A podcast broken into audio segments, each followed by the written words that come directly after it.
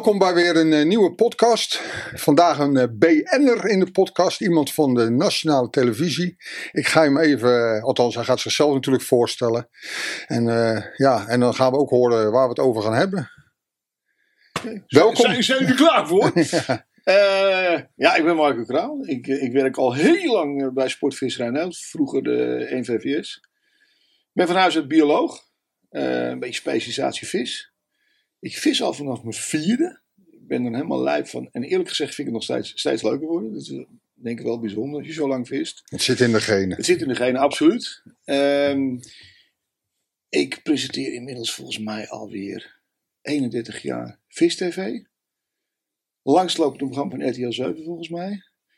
En verder heb ik eh, mezelf gespecialiseerd in het vakgebied communicatie. En dat is een hele mooie combinatie om vanuit de biologie te vertellen hoe interessant de hengelsport is. En hoe leuk het vissen is. En hoe ongelooflijk gaaf vissen zijn. Want ik ben nog steeds gefascineerd van vissen. Is ook een beetje de reden dat ik het niet verteld. Ik ben ook hoofdredacteur van Visionair. Dat is een, een, een magazine over uh, zeg maar visserij, biologie, aanverwante zaken. Alles over vis, behalve hengelsport. Soms raak ik wel de hengelsport een beetje.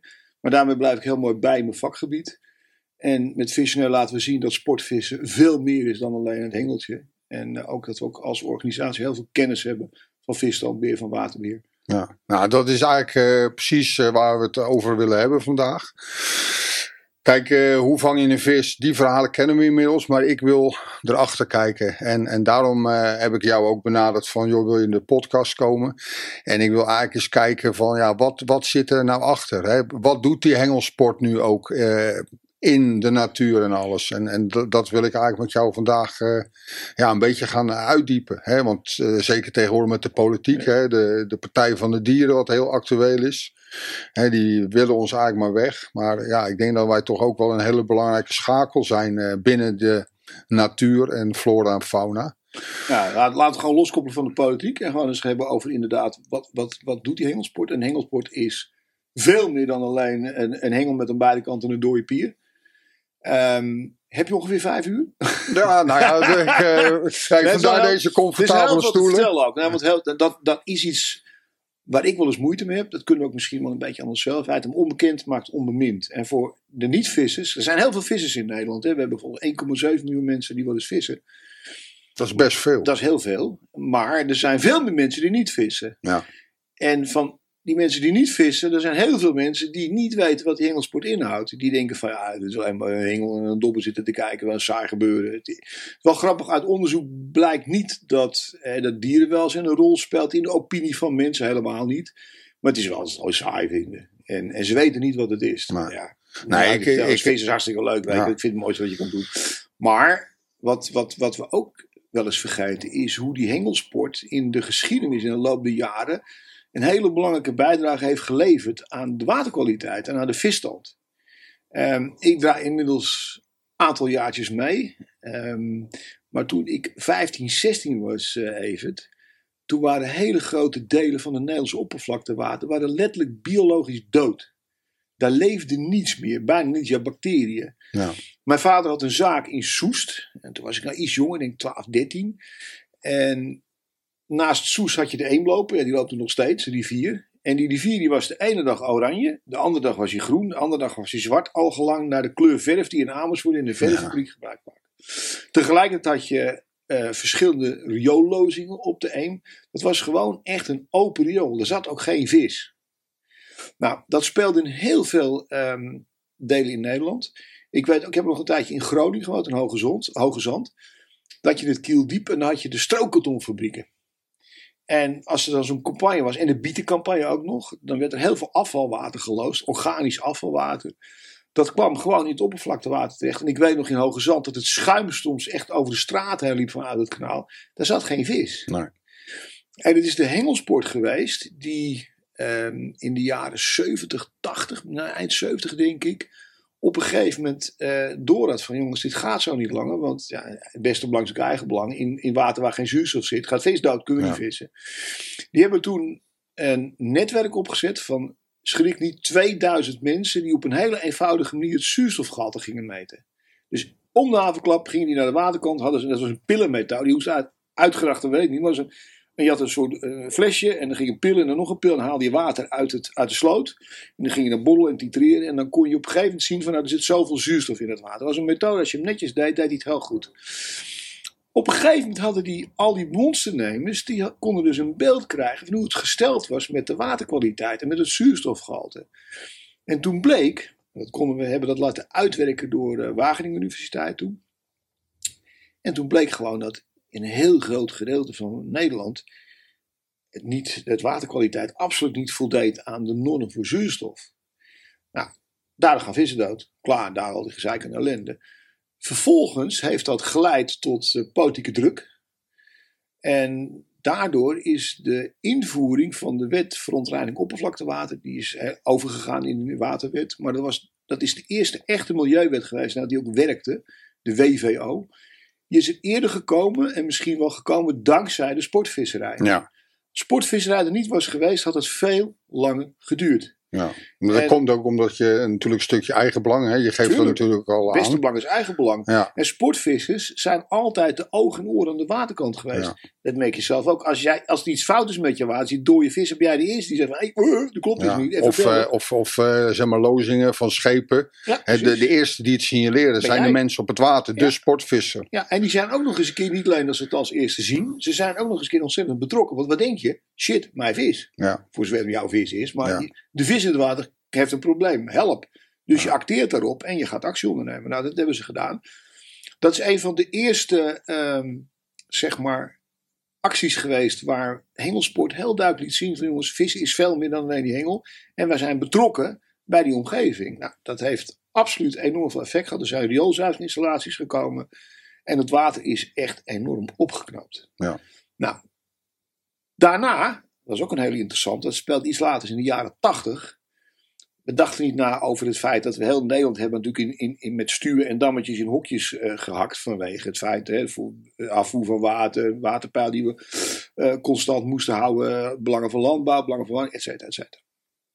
Maar ja, daardoor hadden we wel het leefgebied van vissen natuurlijk in stukjes gehakt. En dan mag de waterkwaliteit wel beter worden. Maar als die vis niet van, naar leefgebied en overwinteringsgebied en fourageergebied kan zwemmen, is voor die vis ook niet goed wat heet. Dan doet die vis het gewoon niet. nee. Niemand realiseerde zich dat. Echt niemand. Toen was er één sportvisser, een bestuurder van een hengelsportvereniging in Noord-Holland. Walter Pesk heette die volgens mij. Volgens mij, leeft, hij- volgens mij woont hij tegenwoordig in Frankrijk. Die op een gegeven moment daar is over gaan zeuren. En wij namen hem in het begin ook niet serieus. Had je Walter weer met zijn vismigratie. weet. Maar uiteindelijk gingen we hem serieus nemen. En dat heeft geleid doordat ook waterschappen gegeven moment tot de conclusie kwamen van... Oké, die vis moet wel kunnen zwemmen natuurlijk. Ja. Nou, toen kwam de Europese kaderrichtlijn water. Nou, daar staat heel expliciet in dat viswater niet alleen, of water niet alleen chemisch in orde moet zijn, maar ook ecologisch in orde moet zijn. Dat heeft ook druk gezet op hè, het weer migreerbaar maken van wateren. En tegenwoordig investeren waterschappen enorm veel in het weer passeerbaar maken van stuwen en dergelijke. Kijk, het mooiste is dat je een dam gewoon weghaalt. Ja. En gewoon een stuk dynamiet erin, ook een spectaculair bof wegdam. En dat is het beste. Ja. Alleen technisch kan dat niet altijd. Nou, en, misschien ook niet wenselijk, hè? Nee, nee, dat, dat, weet- nee, dat Nou ja, ik, ik, waar, waar andere doe ik eigenlijk even op? Eh, eh, ik pak even de kierbesluit. Hè, Ja. De, de Zeeland-ramp natuurlijk, de watersnoodramp. En Ja. dat hebben ze afgedamd. natuurlijk. Maar dat is denk ik ook een mooi voorbeeld daarvan, het kierbesluit. Nou ja, kijk, we hebben de, de, dat is ook zo'n voorbeeld van, eh, van waar de hengelsport een rol heeft gespeeld. Eh, de, de dam daar, de Haringvlietdam, heel veel vis spoelt daaruit. Ja. Heel veel snoekbaar spoelt eruit, veel snoekbaar spoelt eruit. En als ze helemaal het zout water zijn, dan is het gebeurd met ze. Ja, want ze kunnen niet terug. Nee. Dat hard. Nou, toen hebben wij samen met natuurorganisaties hebben een plan bedacht om te kijken of we op een bepaalde manier, ik ga er niet altijd veel op, een technische betaling met verandering van, dat, van die, dat het open blijft staan, dat die vissen daar in en uit kunnen zwemmen. Nou, dat heeft geleid tot een, denk ik, in Europa uniek project, wat ook gekoppeld is aan allerlei natuurontwikkeling rondom dat haringvliet. Is dat het Natura 2000 project? Nee, daar 2000, wel, eh, Natuur los van? 2000 is het kader zeg maar, voor de natuurbescherming in Europa. Ja. En, en dat, dat vult net op zijn eigen manier in. Maar de kier is een manier om te zorgen dat eh, die vissen, dat inderdaad die sluizen op een kier gaan staan, als het kan, hè, met een bepaalde afvoer, dat die vis zowel erin als eruit kan zwemmen. Hetzelfde geldt voor de vismigratierivier, hè, die de afsluitdijk eh, permeabel gaat maken voor vis voor het IJsselmeer. Ehm, dat is ook voor een heel belangrijk deel het werk geweest, althans idee geweest van een collega van mij, Jaap Kwak, is met pensioen, die al zei van jongens moeten kijken of we die afsluitdijk niet beter passeerbaar kunnen maken voor vis. Ehm, ik denk dat dat heel goed gaat werken. Hij wordt nu aangelegd. Want wat gaat er gebeuren? Niet alleen de vis naar buiten kan spaling, maar ook dat haring, jonge haring, makkelijker het IJsselmeer kan zwemmen. En ik denk ook dat het effect is van bij de kier. Er is al heel veel haring naar binnen gekomen als het goed gaat werken. Het probleem met die kier is nu wel dat de afvoer vaak te droog is, dat het niet goed werkt. Maar bij normale afvoer gaat die kier werken. Ja. Komt er veel jonge haring waarschijnlijk naar binnen. Het is niet alleen vis die naar buiten kan, maar het is ook dat heel veel vis naar binnen kan. En dan denk ik vooral aan haring. En dat is een fantastisch ja, prooivis voor natuurlijk al die roofvis. Ja. Waarom is dat Noordzeekanaal altijd zo interessant geweest voor, voor, voor, voor Ja, die, die en zoet baars? en de zout. Ja, eh, je- haring, bliek. Ja. Eh, als je op het Noordzeekanaal gaat vissen, is al wel grappig. Als je, als je op het Noordzeekanaal de rijkdom hebt dat je echt, over verse bliek kan beschikken, dan vis je alles mee weg. Ja. Wat je ziet op het, eh, op het Noordzeekanaal bijvoorbeeld is, hè, daar is ook door die sluis komt er toch veel vis naar binnen, kan er veel vis uit. Er komt heel veel bliek naar binnen en die bliek, dat, dat, ja, die, die rovers doet dat er heel goed, die is gek op. En ik heb ooit een keer verse bliek gekregen van een broesvis die langs kwam varen op het ei. Nou, sp- spul in mijn bunnetje gedaan en ik was aan het vissen met sheds. Ik ging hartstikke goed, nog geen stopte het. Ik denk, nou op een gegeven moment ben ik klaar, weet je wel. 10, 15 snoekbaars op studie gevangen. Dan doe je een vers blikje eraan op een dropshotje. Binnen een seconde, bam, grote vis. En binnen, ik had een stuk of twintig blikjes gekregen. Alle twintig werden dus binnen een seconde gegrepen. Dus die, die vis houdt ervan. Dus daarom is het goed. Niet alleen voor de vis op zich, maar ook voor de sportvissers. Want die roofvis doet het ongelooflijk goed op blik. Ja. En elke vis moet kunnen migreren. Want je zou ook zeggen van, eh, dat zijn alleen vis als trekvis, waar we denken babel en dergelijke, en, en, en wind en zo. Maar elke vis heeft vaak gescheiden leef, opgroeien paargebieden, overwinteringsgebieden. Ik heb blankvoorn, stekkervinders, waar naar havens toe. Nou, snoeken volgen dat weer. Dat geldt voor bijna alle vissoorten. Dus elke vis moet kunnen migreren. Er zijn natuurlijk vissoorten die enorme afstanden leggen, zoals en zalm en steun en dergelijke. Maar wat we ook zien, en dat vind ik zelf heel interessant, is door al die, door die aandacht van die vistrap. En, en geloof me, die waterschappen besteden daar ongelooflijk veel geld aan. Er wordt heel veel geld geïnvesteerd in het weer migreerbaar maken van vis. Wel was moeite met die waterschappen en zeuren en dit en dat. Maar ze doen echt hele goede dingen. Er wordt heel veel geld geïnvesteerd.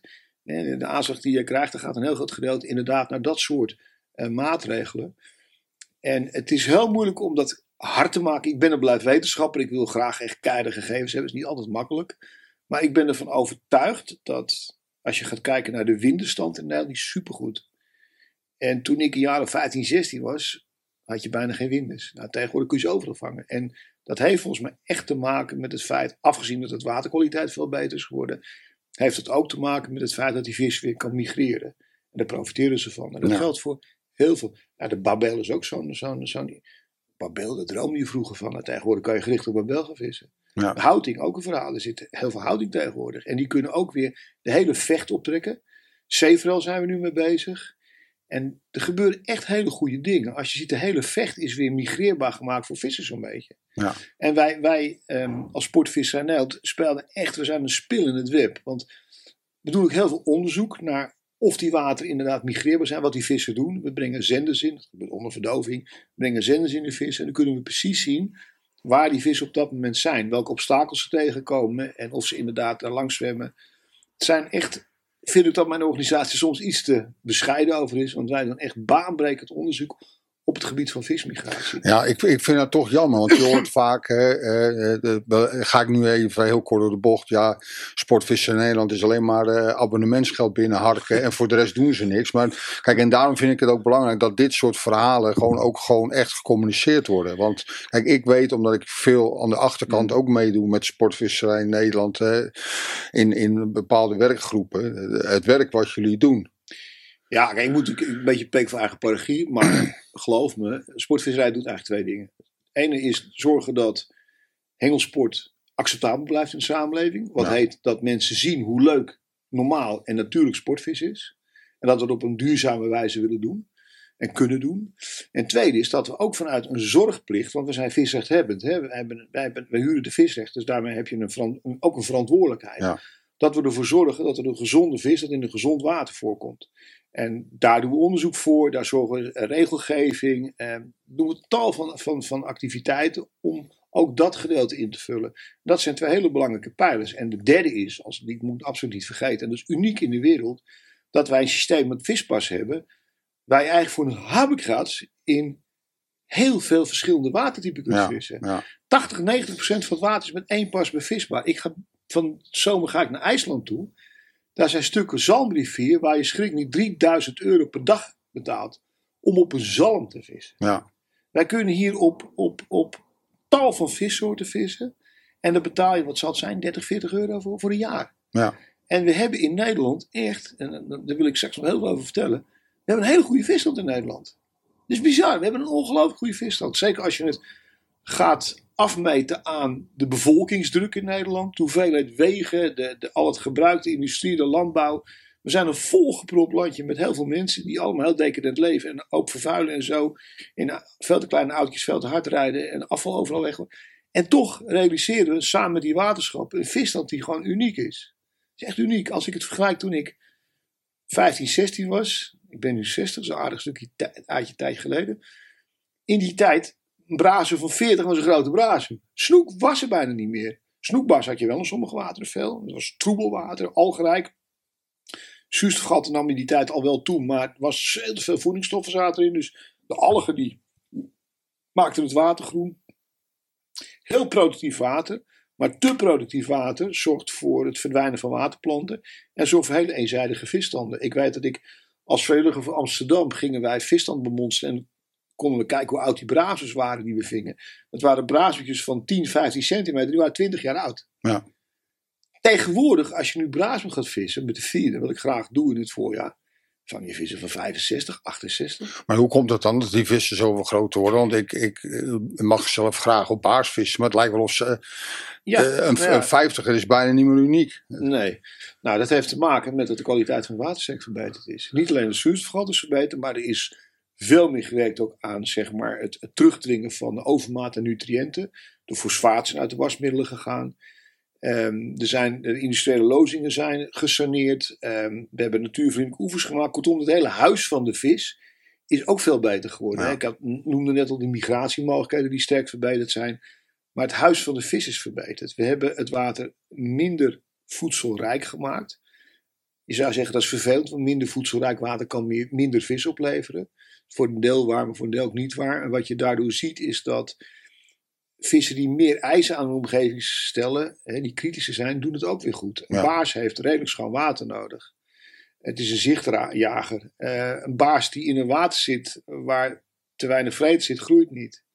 Uh, blijft wel bestaan. Dat is het bijzondere van vissen overigens. Een vis die geen vrede krijgt, blijft zich voorplanten.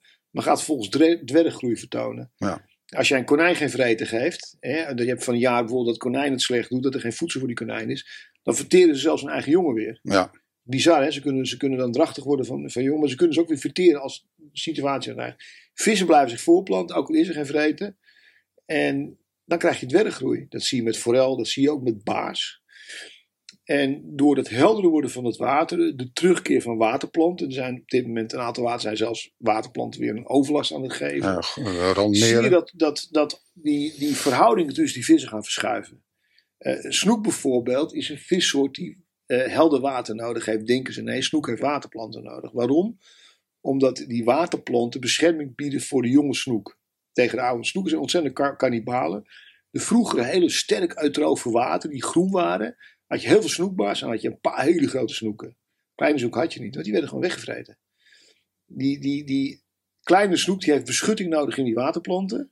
En waterplanten groeien in helder water. Vooral de snoeken zicht erover zijn zonze, want je kan ze s'nachts vangen en de blinde snoeken vreten ook. Ja. Maar het is vooral die, dat cannibalisme dat dan verminderd wordt. Die jonge snoek zoekt de schuilplaatsen op. Blijft in het ondiepe water hangen tussen het riet en tussen de waterplanten. En is dan geen prooi voor die grote snoek. Dus daardoor zie je dat de snoekstand de afgelopen 30, 40 jaar gigantisch geëxplodeerd is. We hebben in Nederland denk ik een enorm goede snoekstand. En datzelfde geldt ook voor uh, de baars. De baars is ook een vis die gevarieerd voedsel nodig heeft. En als baarsen echt willen groeien, moeten ze op een bepaalde leeftijd overschakelen van macrofauna. Dan moet je denken aan genaaltjes en dergelijke, naar vis. Als ze dat niet doen, blijven ze klein. Tenzij er heel veel neomyces in het water die aasgenaal Maar ze kunnen het ook heel goed doen op, op garnalen. Doen ze ook supergoed. Maar in principe, grote baas krijg je alleen in water waar ze gericht op uh, kunnen jagen. Ja, heb ik gelijk even dat vraag. betekent ook dat je open water hebt. Want baas jaagt niet goed in tussen waterplanten. Zij is niet zo heel sterk in. Maar, Dus die bazen die moeten een, ook open water hebben. In combinatie met waterplanten. Dan krijg je een. Nou, dat- en dat soort, dat soort systeem zie je steeds meer ontstaan. Hè? Waterplanten me ook groot open water. Haringvliet, Hollands Diep, Randmeren. Doet die baas het ontzettend goed. ja, daar heb ik gelijk een vraag over. Want in, in, in mijn beeldvorming doet de baas het enorm goed op het Haringvliet. Ja. Eh, Wat maakt dat water zo speciaal dan? Volgens, volgens jouw eh, visie. Dat, dat daar hele grote bazen voor Het is natuurlijk een riviersysteem. eh, voedselrijk, ook voedselrijk, maar gevarieerd voedselaanbod. Er zitten heel veel garnalen, heel veel, er zit veel goed macrofauna, groot macrofauna, veel prooivis en variaties, dynamiek in het systeem. En dynamiek in het systeem, eh, verandering van afvoer, stroomsnelheid. Hoe meer dynamiek in het systeem, hoe beter vis het gaan doen. Nou, En het haringvliet heeft de baas altijd, dus een van de weinige water waar de baas ook vroeger al goed deed. Ja, heeft dat ook te maken met kierbesluit? Want in mijn beeldvorming heeft het kierbesluit, sinds dat, dat eigenlijk geïntroduceerd is, eh, lijkt het wel of die, die baarstand daar ook ja, het zou toegenomen kunnen, is. zou kunnen, want in principe is dat zo, omdat je meer voedsel binnenkrijgt. Hoogwaardig voedsel in de vorm van, bijvoorbeeld, ik denk zelfs die haring en spiering wat er naar binnen komt, is voor die bazen een walhalla. Ja. Het is echt een, een ja, snackbar 2.0. Ehm, ik weet niet of het al zo snel werkt, maar het is wel iets wat we ook verwacht hadden. Dat was ook degene toen ik dat die kier moest verdedigen hè, binnen mijn achterban. Ik zeg, jongens, besef dat het is echt niet zo dat er heel veel zout water binnenkort. Je krijgt een zoutwaterzone, maar je krijgt een overgang waar heen, vrij heen en weer kunnen zwemmen. En er komt heel veel prooivis binnen. Ja. En daar gaat die baas van profiteren. Nou ja, we hebben nu eh, best wel gesproken over eh, de vis. Maar eh, wat, wat doet de vis eigenlijk voor de mens? Kan je daar eens wat uh, zinnigs Oeh, over Ja, roepen? daar kan ik heel veel zinnigs over zeggen, denk ik. Want dat vergeten we wel eens. Ehm, hengelsport ehm, doet iets met je. Ik denk dat hengelsport een van de weinige activiteiten is in de natuur. Waar je niet alleen toeschouwer bent, maar waar- je vooral deelnemer bent. Je wordt onderdeel van het systeem. En ik kan je dat als voorbeeld geven. Als jij niet vist en je, je houdt van natuur. En je gaat fietsen of wandelen. Je komt bij een mooi bankje aan een prachtig water. Dan ga je op het bankje zitten en dan geniet je daarvan. Maar na een half uurtje ga je vervelen. En na een uur vervel je stierlijk en ga je weg. Ja. Dan zit je op dezelfde bankje of een stoeltje naast het bankje of in je boot. Zit je aan die waterkant met een hengel in je handen. Met iets waarvan je kan iets gebeuren. Dan kan je daar vijf, tien, twaalf. Ik heb met karper wel eens twee weken op één plek gezeten. Blijf boeien, blijf spannend. Maar dan word je onderdeel van de natuur. Die fut die je net niet zag, die zwemt vlak voorbij. Die kijkt naar je, die wordt onderdeel van jouw kleine ecosysteempje.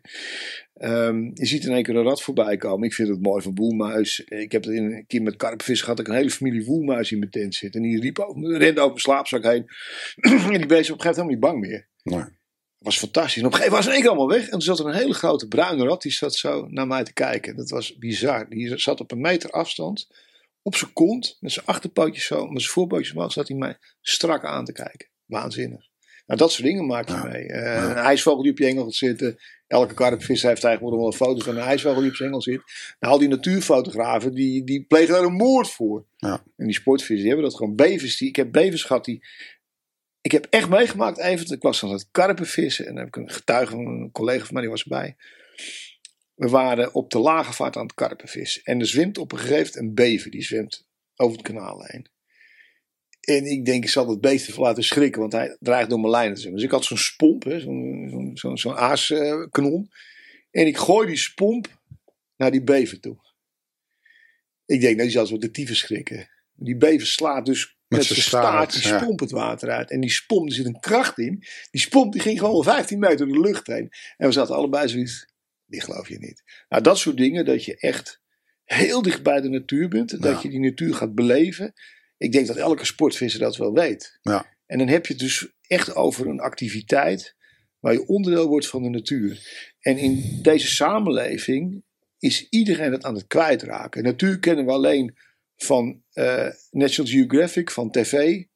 eh, van eh, diertjes zijn bijna net mensen, zijn zielig. Ehm, dat is heel fout, want je, je krijgt een heel verkeerd beeld van die natuur. Natuur is ontzettend wreed. Dat is ook mooi, denk ik. Maar het is echt niet zo dat, dat alle beestjes lief met elkaar hand in hand Nou, pootje volgens pootje. mij is het één grote Het moordpartij één onder grote water. slagpartij. Ja. Daar heb ik ook wel eens een vergelijking gemaakt. Er is geen vis die sterft aan ouderdom. Elke vis gaat dood aan geweld, aan ziektes of wordt opgevreten door zijn soortgenoot of door andere vissen. Super breed. Ja. Maar dat maakt het ook mooi. Het is dat, dat, dat, dat leven onder water. Dan heb je het echt over wat het eh, individueel wat mensen kan doen. Hè. De- maar het doet nog veel meer. Want vis is ook, het in Engeland bijvoorbeeld, wordt het nu al eh, geaccepteerd als therapie tegen lichte depressies. In Nederland zijn er verschillende initiatieven van Theo Bakelaar die hele goede resultaten boekt met, eh, met militairen en politiemensen met PTSS. Ja. Door iets met dat vissen te doen. Nou, daar haak ik heel even Ja? kort op in. Eh, binnenkort hebben wij ook in de podcast eh, een oud politieagent met PTSS. En die gaat specifiek op dit verhaal gaat hij nog even, even inzoomen. Nou, daar hoef ik er niks meer over te vertellen, maar geloof me, het is echt heel bijzonder. Ja. En dat zijn wel van die momenten dat ik heel boos kan worden op de tegenpartij die tegen het vissen is. Kijk, als je tegen vis bent, is prima. Maar als je dat met oneigenlijke argumenten gaat uitdragen voor je eigen politieke gewin, daar heb ik last mee. Dat, dat, dat Ja. trek ik niet. Dat trek ik heel moeilijk, want we doen zoveel goed, wat ook voor die vis goed is. Kijk, op individueel niveau zal een vis niet zo blij zijn dat hij gevangen wordt. Maar op populatieniveau zijn die vissen heel blij met ons. Echt heel blij Ja, met ons. zeker als, we, als je goed eh, luistert naar het verhaal wat je net hebt verteld. En wat die sportvisserij allemaal doet voor een gezond eh, ecosysteem. Ja, nou, ik durf rustig te zeggen even dat zonder de hengelsport had de visstand en de waterkwaliteit in Nederland een stuk broerder voorgestaan. Moet ik niet veel bij ons op de borst kloppen als organisatie, maar het is echt zo. Geloof Ja. me, dat is echt zo. En, Nou, ik- dat draag ik ook gewoon uit en dat weet je zelf. Ja. Maar terug naar, naar eh, wat, wat hengelsport met de mens doet. Heel veel. Het raakt iets heel dieps in iets oers. Inderdaad, in de tijd dat we nog in, in een boomstam eh, de, de Rijn afpeddelden. Ehm, natuurlijk heeft het wel te maken ook met het, eh, dat je in staat bent om eiwitrijk voedsel te vergaren, om op te eten. Ik vind het ook leuk om een visje mee te nemen, maar dat is het niet meer. Maar die drang zit er nog wel in. Dat je, Ja. dat je, dat je prooi hè, iets kan vangen, maar het gaat veel verder. Het, het is dat het je weer verbindt met, Met de natuur. met de natuur. Ja. Want we zijn in onze stenen huisjes, in onze, in onze auto's, met ons ge, ge- kunstmatig ge- gemaakt voedsel, eh, waar heel ver van de natuur afkomen. Niemand zoekt met paddenstoelen. Ja, mijn vrouw heeft nog een volkstuin, eh, groente uit eigen tuin. Wij, ik vang mijn eigen visje. Eh, maar dat, bij de meeste mensen, die weten niet eens meer dat melk uit een koe komt. Die komt uit de supermarkt. Ja, en we eten zogenaamd vegetarisch eten. Het is gewoon geprefabriceerde rotzooi Ja. kunstmatige troep die hartstikke ongezond is. We eten misschien weliswaar veel te veel vlees, maar dat, dan krijg je dus als tegenreactie van jongens, we moeten allemaal vegetarisch worden. Ja, we zijn omnivoren. Ja. De mens, echt serieus wetenschappelijk aangetoond, we hebben onze intelligentie te danken, echt waar, hè, aan het feit, daar is, ook, daar is ook veel wetenschappelijke literatuur over, aan het feit dat de mens, de voorloper van de mens, ooit vlees is gaan eten. Daardoor zijn die, hè, die hersenen zijn zich beter gaan ontwikkelen en zijn, we hebben de intelligentie die we nu krijgen. En ik heb soms wel eens het idee dat met al dat vegetarisme dat we de andere kant erop aan gaan zijn. Ja, ja. Ja, ik zie wel echt een zo. Maar goed, kijk, iedereen is vrij om, om te doen. Maar ik, vind hè, dat zeker dat, dat vegetarisch eten met die nepburgers en zo, met die soja. Het is zo kunstmatig als te eten. Heel veel zout en troep en bende. En ook daarmee verwijder je jezelf van de natuur. Ja. Misschien heel veel van mensen die vegetarisch zijn. Maar door vegetarisch eten verwijder je echt van de natuur mensen. Dus, en we eten overigens veel te veel vlees. Dat is een andere kant van het verhaal. Maar goed, daar gaan we het nu over over hebben. Ja. Maar als je hebt nog Nou, het is een beetje op to- eh, off-topic, maar Ja. eh, dat mag zeker wel benoemd worden. Want eh, Maar ik krijg hem dan gewoon zo nu aan. Weet je, hoe Ja. het, het geeft mij aan, al het gedram. Nogmaals, staat los van het feit dat we heel slecht met onze dieren omgaan. Dat we veel te veel vlees eten, ben ik het helemaal mee eens. Maar het gedram naar de andere kant toe, de doorslag naar de andere kant, werkt ook niet. Uiteindelijk heb je jezelf ermee. Terug naar het vissen zelf, want dat wil ik toch wel even melden. Ehm, wat, wat vissen met mensen doet. Ik heb zoveel dingen meegemaakt. Hè. Ik, ik, ik ben vrijwilliger voor het Peuterfonds. Dat is een groep mensen die eh, met vrijwilligers vissen met kinderen die het minder hebben. Of die eh, gehandicapt zijn of wat dan ook. En ik kan ooit herinneren, dat, dat, ik heb het heel vaak verteld. En ik krijg daar weer kippenvel van. Ik was ooit, moest ik bij het eh gehandicapte sportviscentrum Akkoude. Eh, moest ik een groep mensen begeleiden. Althans, dat werd begeleid door die vrijwilligers. Die gingen vissen daar. En daar zat een, eh, een jongen van een jaar of 18. En die was meervoudig gehandicapt. Autisme, het hele spectrum had hij. En hij was ook nog lichamelijk. Die zat in een soort ruimtevaartrolstoel. Dat ken je wel denken van, het zal je kind maar zijn. Verschrikkelijk. En die was met zijn moeder. En er waren twee vrijwilligers bij. En die kreeg een hengel in zijn hand gedaan. En hoe die het voor elkaar krijgt. Die jongen die vangt de vis. Oké, dat ben je ook voor dan. Die jongen vangt die vis. Kijkt zijn moeder aan. Begint te lachen. Logische reactie. Want kijk, trots, ik heb een vis. En die moeder begint hartstochtelijk te huilen. Op dat moment met camera's. Want ik was met tv op de camera stilgezet. Wat gebeurt hier? Zeg ik tegen mevrouw. Ik zeg mevrouw. Uh, zoon vangt de vis. Is blij. Waar, waarom huilt u? Want die, man, die vrouw stond zo hartstochtelijk te huilen. En toen zei ze, ik heb in 18 jaar tijd nog nooit oogcontact met mijn kind gehad. Ik heb mijn kind in 18 jaar nog nooit zien lachen. En toen brak ik. Ja. Toen dacht ik van ja, nou, ja, dat grijpt mij nu ook al dat aan. Grijpt het, me, dat grijpt me zo aan. Waarom? Omdat ik zelf een gezond kind heb. En waar ik heel trots op ben. En die het hartstikke goed doet. En dat ik denk van A, Jezus, wat heb je aan leven? Ja. B, wat doet die hengelsport goed? En dan word ik boos. Heel boos. En dan moet ik vooral passen. Dat is, ik moet professioneel in mijn werk staan. Maar dan kan ik heel boos worden op mensen die op basis van politiek, op basis van sentimentaliteit, op basis van emotie proberen mij te zeggen dat ik iets doe wat niet goed is. Ja. Want die mensen zeggen ook in feite tegen die mevrouw en een kind: wat jij doet is niet goed. Nee. Ja, en, dan, en dan kan Ja. ik heel kwaad worden. Dan heb ik echt, daar heb ik echt moeite mee. Dat trek ik heel slecht. Ja. Maar goed, daar moet je ook professioneel mee omgaan. En dat is ook, dat is ook een uitdaging voor Sportvis in Nederland om continu te verkopen.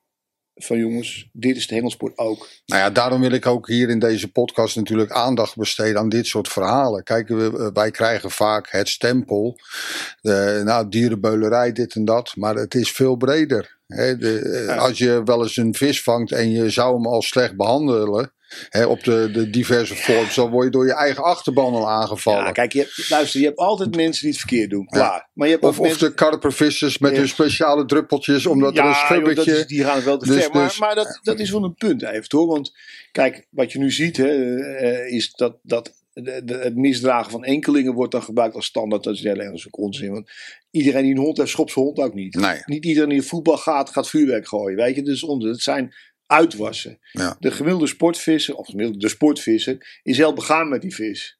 En ja, dat gaat heel ver. Kijk naar de karpervissen. Al Ja. die vissen hebben, al die karpers hebben een naam. Als ze de vis gevangen hebben, dan doen Allemaal ze een druppeltjes. Er zijn er zelfs, dat mag trouwens niet, er zijn er zelfs als ze een karper vangen met een gescheurde borst van als ze die vin gaan hechten. Die, heb ik ook, die zijn er ook. Nou, en vervolgens krijgt beest een kusje en dan gaat hij terug. Ja. En ja, als zo'n vis inderdaad in de pan, belandt door iemand anders, ja, die, wordt, die, wordt, Ja, ja, dan, die, heeft, die heeft echt een. Volkswoede. Die heeft echt volksvoeding, ja. Dus, maar goed, dat, is, dat, dat vind ik ook weer overdreven. Maar Ja. het is wel zo, als een vis groot wordt, dan heb je het snoek ook. En dan krijgt hij een emotionele waarde en dan weer zet je hem weer terug. Ja. Dat is voor mij. Een baas van 50 vreet je ook niet op. Nee, nee. Een baas van 40 heb ik geen enkel Ik zou huilen, mee. denk ik, als ik die ja, moest... eh, een baas van 40 neem ik heel graag mee. Maar ik moet er niet aan denken om een baas van 54 mee te nemen. Nee. Dat is natuurlijk heel scheef, want dat Ja. slaat natuurlijk nergens op. Maar dat is je eigen, je eigen gevoel wat je projecteert op die Ja. vis. Dat is prima, er is Ja. niks mis mee. Maar nogmaals, vissen het doet heel veel met mensen, heel veel goeds. En ik denk dat het een van de weinige dingen, eh, activiteiten eh, in de natuur is die ja, daarin zich in onderscheidt. Het deelnemen, het onderdeel worden, eh, je weer, ja, het is mindfulness. Vis is mindfulness. ja. En dat is de essentie, denk ik, voor mij. Want dat is heel persoonlijk. Ik denk dat een wedstrijdvisser iets anders in zit. Die heeft ook nog de competitie. Dat is ook iets heel menselijks, competitie. Ik heb dat zelf minder. Voor mij is vissen echt mindfulness. Ja. Ik wil wel goed kunnen vissen. Ik ben heel allround. Alhoewel ik laatst jaren steeds meer naar het vliegvissen ga. Omdat ik het vliegvis iets vind waar je steeds minder nodig voor hebt. hè. En dan komt steeds meer kennis van de vis heb je nodig. Maar in principe, elke vorm van vissen vind ik leuk.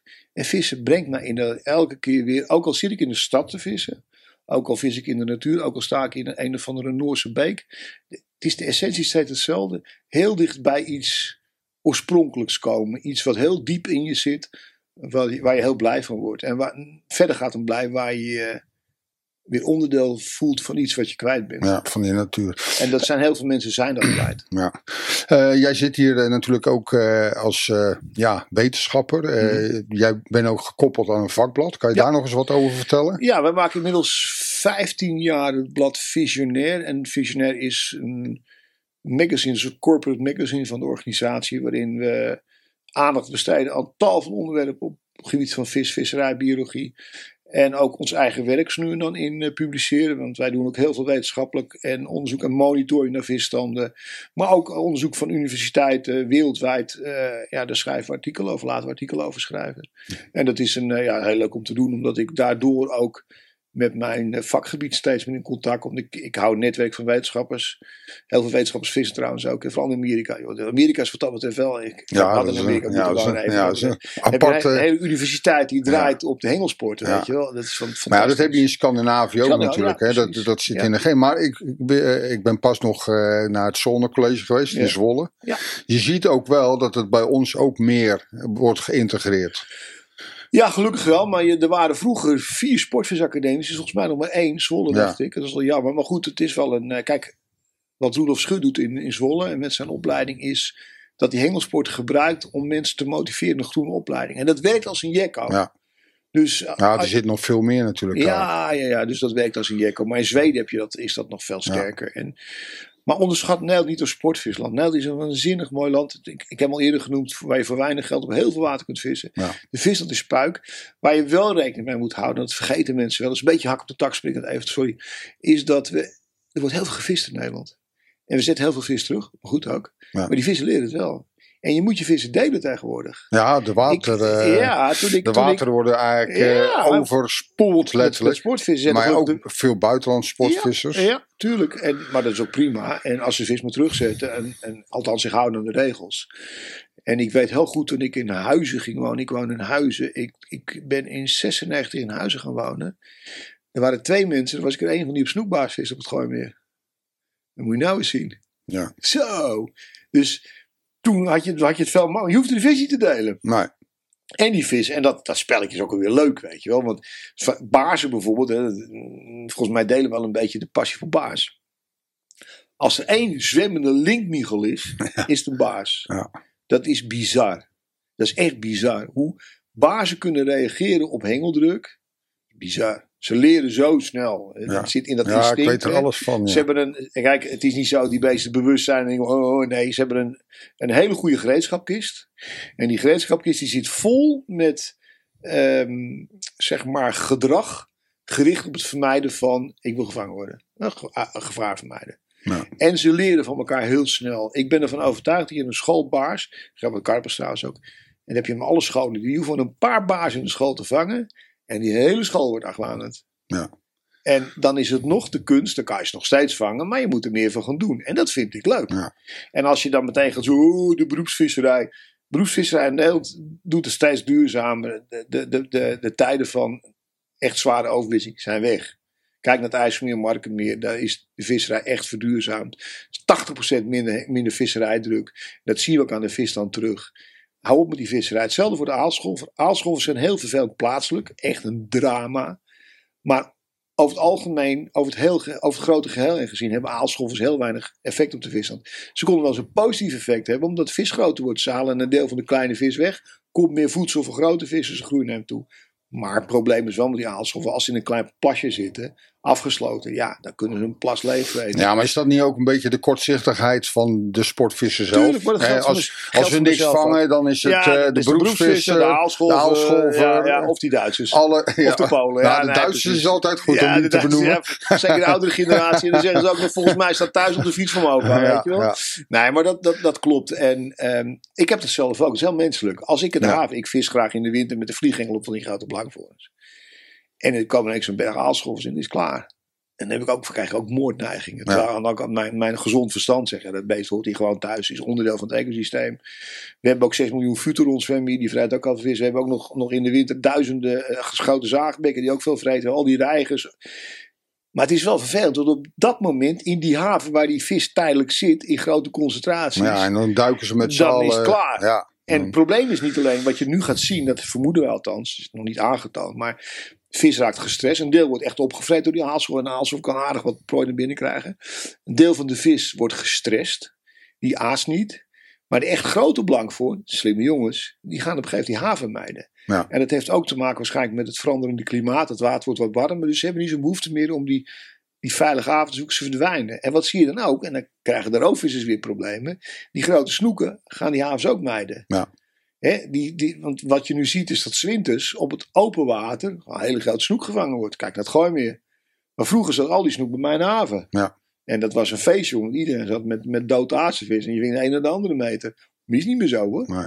Die zit allemaal op het open water. Nou ja, kijk zo'n John Smith bijvoorbeeld, een kennis van mij, die eh, vangt hele grote vissen op het open water, midden in de winter. Niet meer in de havens. En vroeger viste ook John, dat weet ik heel goed, John Smith was, een- was een goede havenvisser, ook niemand snapt dat helemaal.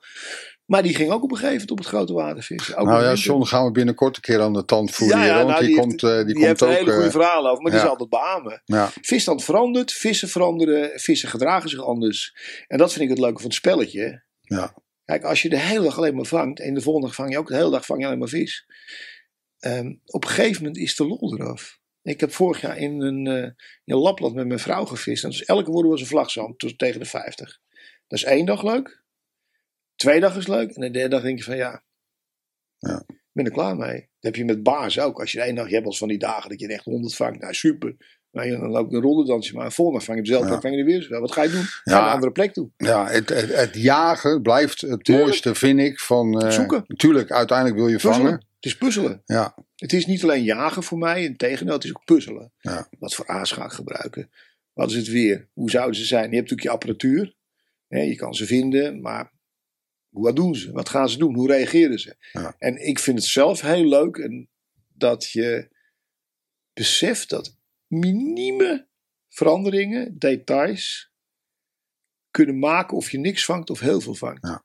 En dat geloven, en dat, en dat is denk ik wel de, de fout die veel beginnende vissers maken, of mensen die vastgeroest zijn, dat ze niet beseffen hoezeer kleine details enorm effect op je, bizarre dingen op je vangst kunnen hebben. Ja. Ik ga elk jaar vis ik met van die, van die hele slimme wedstrijdvissers op zo'n commercial opkarper, met de vasthengel of met de feeder.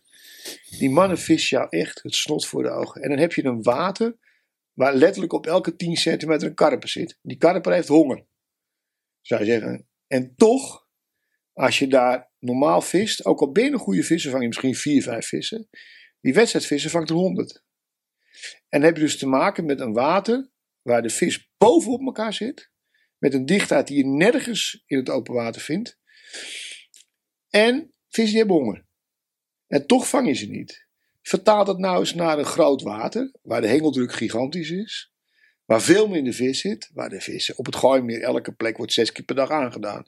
nou, zeker de standaard De stekken. standaardstekken worden zes keer per dag afgedaan. John Smith heeft dat een keer uitgerekend. Dus dat betekent dat die vis is link. Dat moeten ze ook wel. Want die vis heeft maar één doel, overleven. Niet dat hij bewust denkt van, van oh, ik wil niet. Nee, maar ze willen overleven. Dat is logisch. Simpel. Daarom gaan die voordeel ook die haven uit in de winter. Omdat ze niet door die haasvogel gegeten worden. Maar die vis die is slim. Die, die, althans, die anticipeert op die situatie.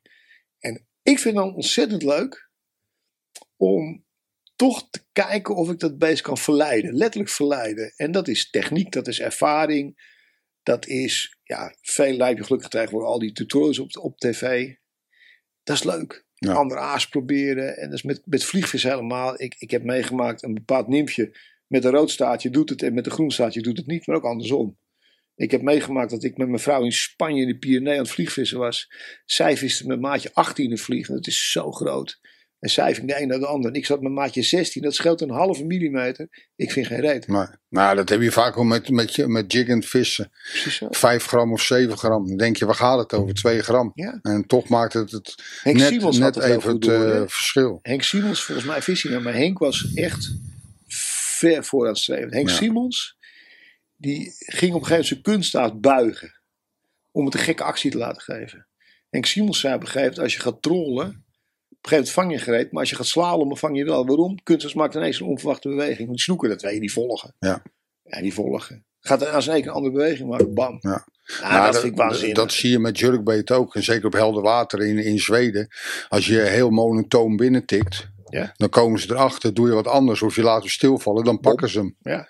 En hetzelfde is met kleine crankbaitsvis op baars. Het moment dat je stopt. Hè, dat stop en go vis. Het moment van stoppen. Poep. En dan Ja. zit hij erop. Of niet. Ja, ja of niet. Of niet. ik, nogmaals, ik vind baas, ik vind, ik vind eh, baas is wel een van mijn favoriete soorten. Als je het hebt, je kan ze op zoveel manieren vangen. Ja. Ik vind met de vliegvinger ook nog steeds superleuk. En het zijn gewoon hele mooie vissen. Dus ja, en dat zijn echt vissen die, eh, waar je je soms echt je best voor moet doen. Ja. En dat vind ik leuk, je best doen ergens voor. Ja. Maar dan gaan we het hebben over het vissen. Want baas kunnen ook drie lullen. Want ik, ik- Ja, ik, ik denk dat wij nog wel ja, ja, ja, uren kunnen lullen. Ik wil toch nog heel even terug naar het, eh, naar het wetenschappelijk blad. Is, is daar iets wat je de kijkers en de luisteraars kan zeggen? Van, nou, de, eh, neem een abonnement, want...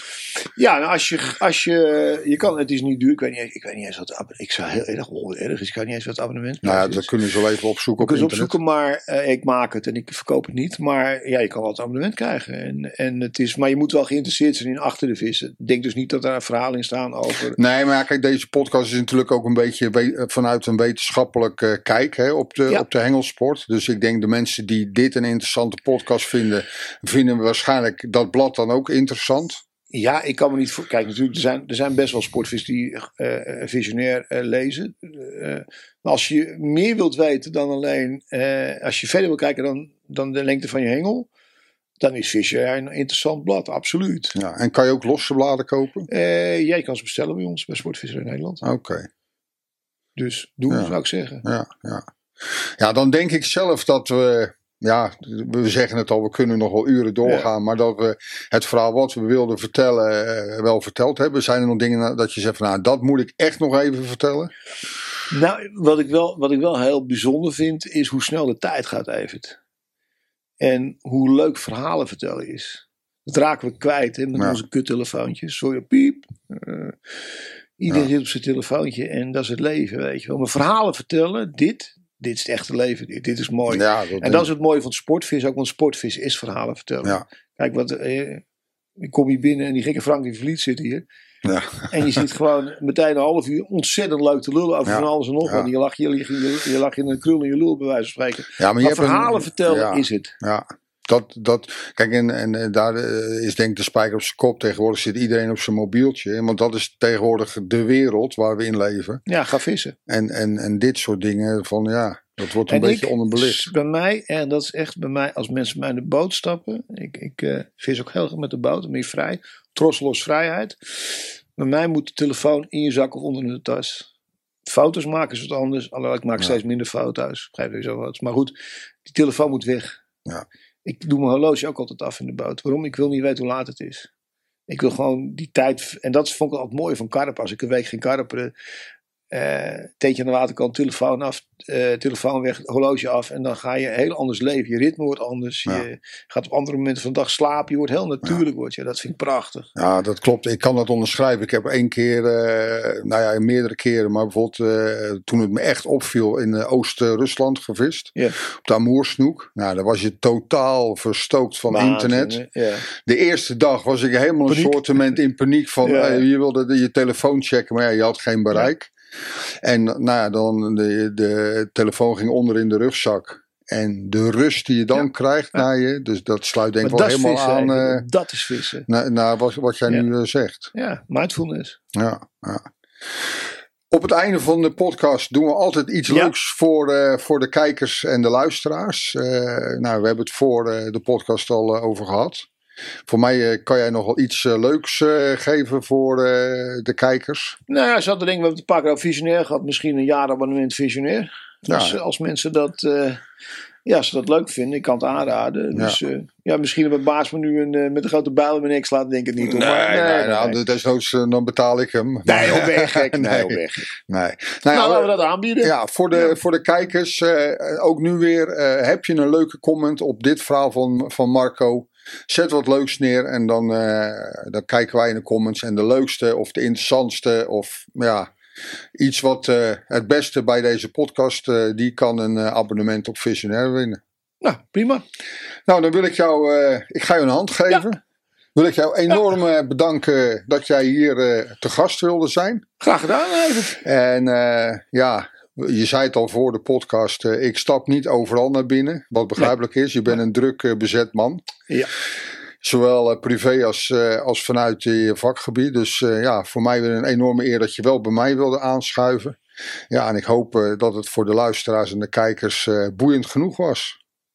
Dus mijn dank. En ja, wellicht tot nog een andere keer. En voor de kijkers, bedankt voor het kijken en luisteren. En tot de volgende podcast. En vergeet niet te vissen. Dat is het belangrijkste.